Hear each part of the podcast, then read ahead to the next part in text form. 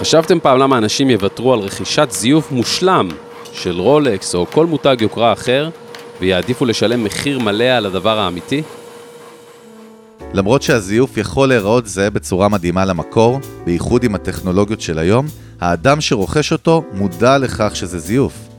ושימו לב לנתון הבא, למרות שהרוכש הוא היחיד שמודע לכך שזה זיוף, הוא יכול לצאת למסיבה של אנשים מהממים, וכולם סביבו יעופו על השעון ויחמיאו לו, אבל הוא לא יזרום עם זה באמת. עצם זה שהוא יודע, לא ייתן לו מנוח. אבל הנה הקטע המעניין יותר. לפי אין ספור מחקרים על הפסיכולוגיה של רכישת מותגי יוקרה, המטרה העיקרית לרכוש אותם היא להחצין ולספר לעולם על אותה הרכישה ולהתהדר בה. זאת אומרת, אימפקט חיצוני גבוה. אז הנה השאלה שוב, אם זאת תוצאת המחקר, מדוע רוב האנשים שמבינים במותגים לא יסכימו לרכוש את הזיוף המושלם באלפית המחיר? מחקר מפורסם של אוניברסיטת יייל קבע שהסיבה טמונה במה שנקרא Quest for Authenticity, דהיינו חיפוש מתמיד אחר אותנטיות, משהו שטבוע אצלנו כסוג של דפוס בלתי נשלט במוח.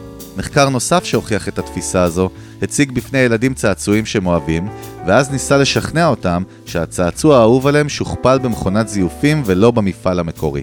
והתוצאה? רוב הילדים סירבו לקבל את הבובה לאחר שהנרטיב הזה הופעל עליהם.